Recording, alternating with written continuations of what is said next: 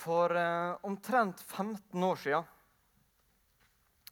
i en kjeller på Tryggheim barnehage bort på Åse, så var det noen som ble overbevist om at jeg tror vi skal starte ei menighet. Jeg tror vi skal satse litt. Prøve å ta noen litt modige grep. Noen av disse her 25 som var med og bestemte dette, her, når de kom og så det som var hovedsalen vår på andre sida her før, uh, i starten, så den store scenen som var planlagt og bygd, så var det noen som tenkte hm, trenger vi så stor scene. da? Vi kan jo ta med oss hver sin stol, vi som regner med å komme på møte, opp på den scenen. Så er det sikkert plass til oss alle sammen der. Siden den gangen så er hovedsalen blitt for liten to ganger. Det er altså gått ifra omtrent 25 voksne personer pluss noen barn der borte til 200 voksne medlemmer, 200 over 15 år og ca. 110 på søndagsskolen. Vi har fått være med og sett ei tidobling av arbeidet i løpet av disse her 15 åra. Misjonssalen har blitt en åndelig heim for mange mennesker. Noen er kommet flyttende, kanskje tilbake fra noen av de større byene i Oslo.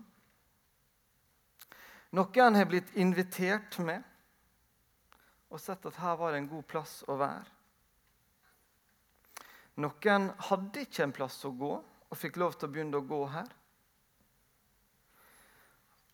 Og noen mennesker de har fått møtt Jesus for første gang gjennom det arbeidet som skjer her i misjonssalen. Veiene de har vært mange. Antallet arbeidstimer som ligger bak, det skal ikke vi prøve å regne på. Dugnadsinnsatsen har vært kanskje til, til dels ekstrem. Kanskje noen tenker at det var i meste laget av og til. Men jeg er helt overbevist om at disse 25 som satt der borte på Åse Hadde de ant at det var 16 konfirmanter som skulle stå her og bli presentert i dag, så hadde de gjort jobben en gang til.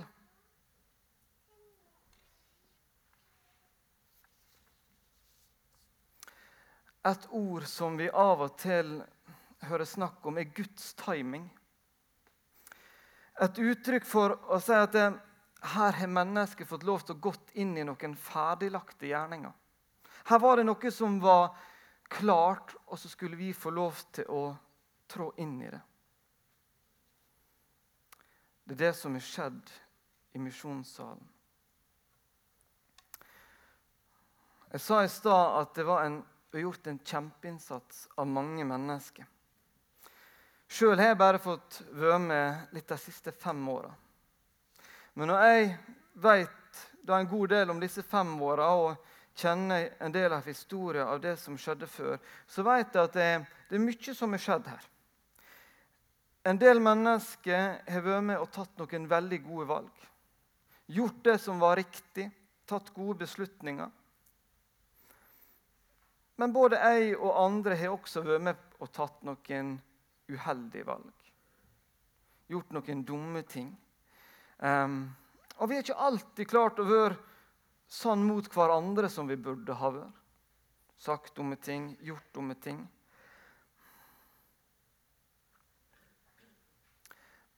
Men det er Gud som har vært med her. Det er mennesker som er blitt ledet av Gud. Og da kunne det skje det som har fått lov til å skje.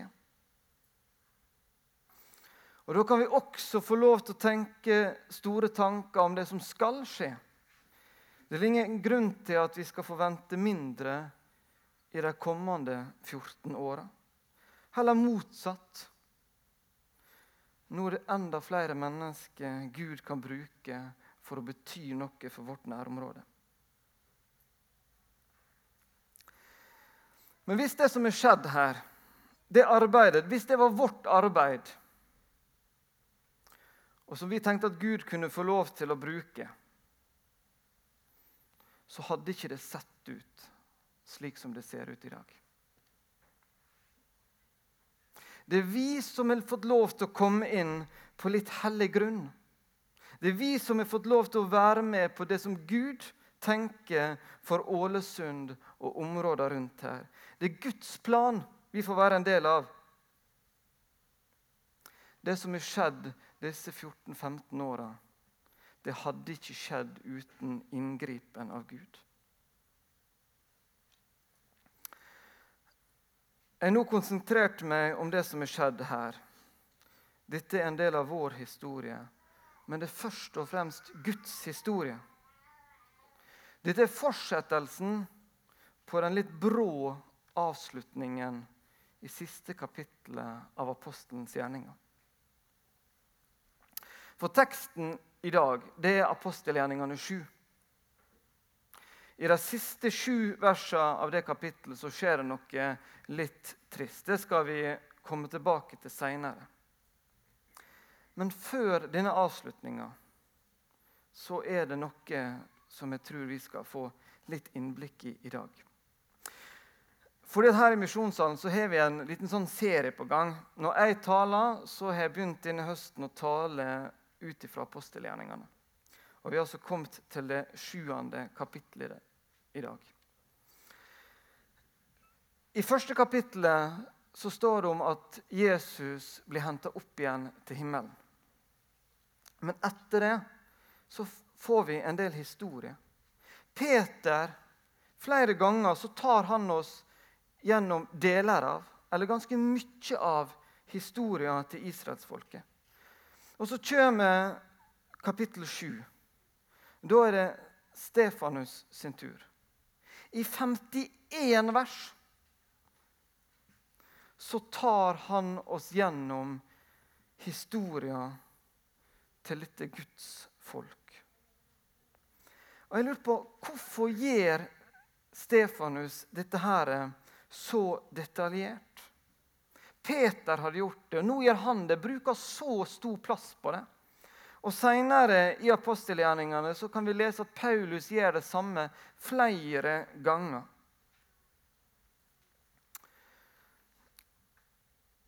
Stefanus er en som vi ikke treffer så mye. Det står ikke så mye om han i Bibelen. Vi møter han i kapittel 6, der det står at han er en mann full av nåde og kraft og gjorde store under og tegn. Det står at han snakka med jødene i synagogene. Men da han la fram denne historien og fikk fram hvem Jesus var, og hva som var gjort med han, så møtte han motstand, men det sto at han kunne ikke stå seg imot hans kunnskap. Og så Nå står altså han der foran de skarpeste hauda i hele Israel. Han hadde sagt noe som gjorde at folk ble irritert. De sa fram noen falske anklager mot ham. Så ble han stilt foran rådet. Da sitter han foran folk som kan hele Gamle testamentet utenat. Og så tar han hele denne historien for dem.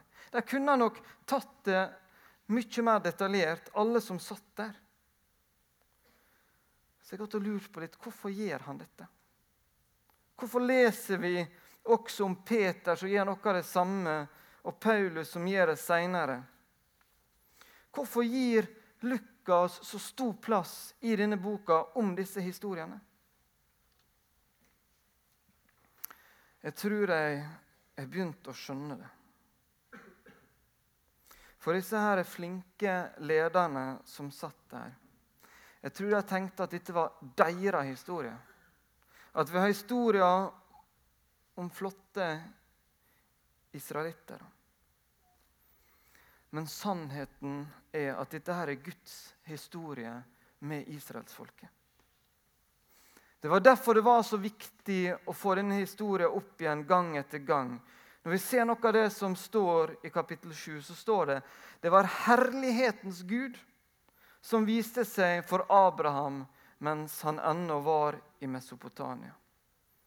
Gud gav Abraham det store løftet mens han ennå var barnløs. Stamfedrene ble misunnelige på Josef og solgte han til Egypt. Men Gud var med han, og berget han ut av all nød. Denne Moses som de forkastet da de sa, 'Hvem har satt deg til leder og dommer?' Nettopp han sendte Gud som leder og redningsmann. Landet de fikk i eie etter de hedningene folkene som Gud drev bort foran dem. Stefanus avslutta med å rette sterk kritikk mot disse lederne som Jesus hadde dømt til døden. Han kaller dem et stivnakka folk. Og I vers 52 så stiller han spørsmålstegn ved om det noen gang hadde vært en profet som de ikke hadde forfulgt.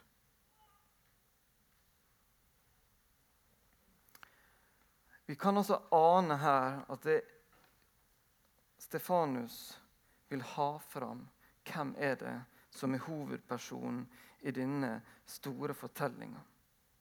Kan vi undre oss litt på var det slik at disse jødiske lederne helst ville fortelle en historie der det var de sjøl som ble løfta fram? Var det kultur for å løfte fram Guds hånd gjennom deres historie? Var det kultur for å se etter Guds ledelse, etter hans plan? Var det en kultur for å høre på profetene som var gitt dem? Jeg leste en gang et langt intervju med en mann som heter Jens P. Heierdal. Dere konfirmanter eh, som sitter her i dag, dere vet kanskje ikke hvem han er. Eh, men han er altså en av de større industrilederne vi har hatt i Norge i seinere tid.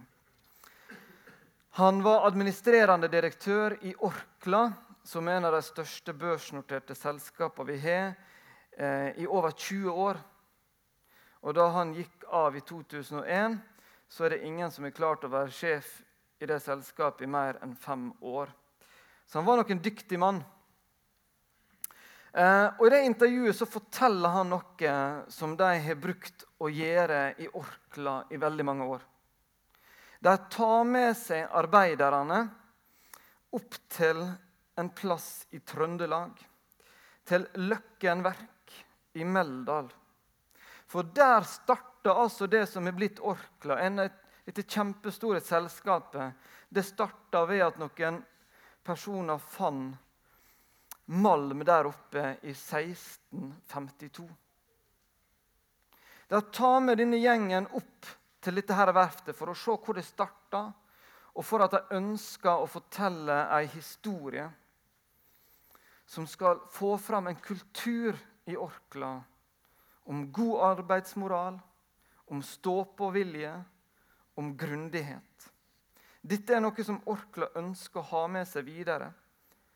Det er ei historie de ønsker å fortelle. Noen enkeltpersoner som de ønsker å løfte fram som gode forbilder. Slik er ofte vi mennesker. Vi liker å fortelle vår historie på en måte slik at vi sjøl får ganske god plass. Når Lukas gir Peter Stefanus og Paulus stor plass i apostelgjerningene til å fortelle den store fortellinga på nytt og på nytt. Så er det fordi at vi trenger å bygge kultur der vi ikke leter etter enkeltmennesket sin innsats, men etter Guds inngrepen. At vi tror på at vi har med en Gud å gjøre som vil og som kan gripe inn i vår historie. Jeg tror at dette er noe som vi trenger å minne hverandre på akkurat nå. For vi lever i en verden der det kanskje til tider er ugreit å snakke om Guds inngrepen. Vi trenger å jobbe fram en kultur mellom oss i misjonssalen der vi ønsker og forventer at Gud er til stede. Og For meg så er dette her utrolig frigjørende. For jeg ønsker å gi mitt beste som pastor her med Misjonssalen. Og Katrine og jeg prøver å sitte sammen og ta gode valg og legge til rette. Vi har et styre som gjør sitt beste for å ta gode beslutninger. Og vi har altså en kjempeflott gjeng med medarbeidere som gir av sitt tid, som bruker sine gaver og talent. Men det er ikke enkeltpersoner. Det er ikke noe enkeltmenneske sin fortjeneste at vi har gått fra 25 til over 300 på diverse medlemslister som vi har i dag. Det er fordi at vi har fått lov til å være en del av den store fortellinga der Gud stadig griper inn. Det trenger vi å minne hverandre om. Vi skal nå lese de siste versene av kapittelet. Eh, vi leser altså bare de versene i dag. Eh, det er altså et kapittel på over 60 vers, og dere skjønner dere kanskje hvorfor vi ikke har tatt oss tid til å lese alt i dag. Men de fleste av de kapitlene som vi skal gå gjennom når jeg taler, så kommer vi altså til å lese store deler av, eller hele kapittelet. Men nå vil vi lese det her. Men Stefanus var fylt av Den hellige ånd og rettet blikket mot himmelen. Og Der så han Guds herlighet og Jesus stå ved Guds høyre hånd. Da sa han, jeg ser himmelen åpen og menneskesønnen stå ved Guds høyre hånd. Men da skrek de høyt og holdt seg for ørene, og alle som en stormet imot ham. De drev ham foran seg og steinet ham utenfor byen. Vitnene la av seg kappene sine ved føttene til en ung mann som het Saulus. Mens de steinet Stefanus, ba han og sa, 'Herre Jesus, ta imot min ånd.' Så falt han på kne og ropte høyt, 'Herre, tilregn dem ikke denne synden.' Men disse ordene, med disse ordene sovnet han inn. Det er ikke noe kjekk lesing, disse her siste versene her. Men det er et par punkt jeg vil trekke fram. Stefanus han trodde på historien som han sjøl fortalte. Historien fram til Jesu fødsel var nok mange av de som kunne. Men nå måtte altså den nye historien spres. Uavhengig av motstand eller ikke. Det fikk koste hva det ville. Dette var sant. Det var sannheten. Folk var ikke klar over det som hadde skjedd. Utover i Midtøsten, i lille Asia, etter hvert videre til Europa og India. Dette måtte videre. Han var villig til å ta den kostnaden og få fortalt det som hadde skjedd. Det er fortsatt et par, nei, et par milliarder mennesker i vår verden som enda ikke har fått hørt denne historien. Det bør plage oss litt. I tillegg er det mange som lever rundt oss, kanskje tett på oss, som ikke har fått en mulighet til å lære nok om Jesus til å kunne velge han som sin frelser. Vi trenger å fortelle historier slik som Stefanus gjorde. Vi trenger å kunne historier, slik at mennesker kan få se hvordan Gud har grepet inn opp gjennom historien. Og gjennom dette at mennesker kan få et møte med Gud.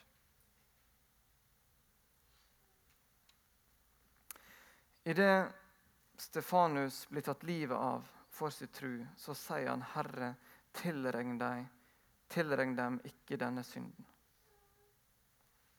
Det kunne han si fordi at Jesus hadde sona den synda. Jesus, Guds sønn, han hadde kommet til verden for å bringe Gud og mennesket sammen. Dette var sannhet. Dette er sannhet. Og Dette er en sannhet som er verdt å kjempe for. Og det er fortsatt en sannhet det er verdt å kjempe for. Jeg håper inderlig at det skal, ikke skal bli sånn at noen av vi som er her, skal måtte gjennom det som Stefanus måtte oppleve. Men jeg håper at misjonssalen kan være en plass der vi er villige til å kjempe for det som er rett og sant. Jeg håper at vi kan få fortsatt være en historie der vi kan se at Gud er grepet inn. At vi er en del av det som Gud har tenkt å utrette i Ålesund og området her. Og la oss være en menighet som forteller historier om en Gud som griper inn. Amen.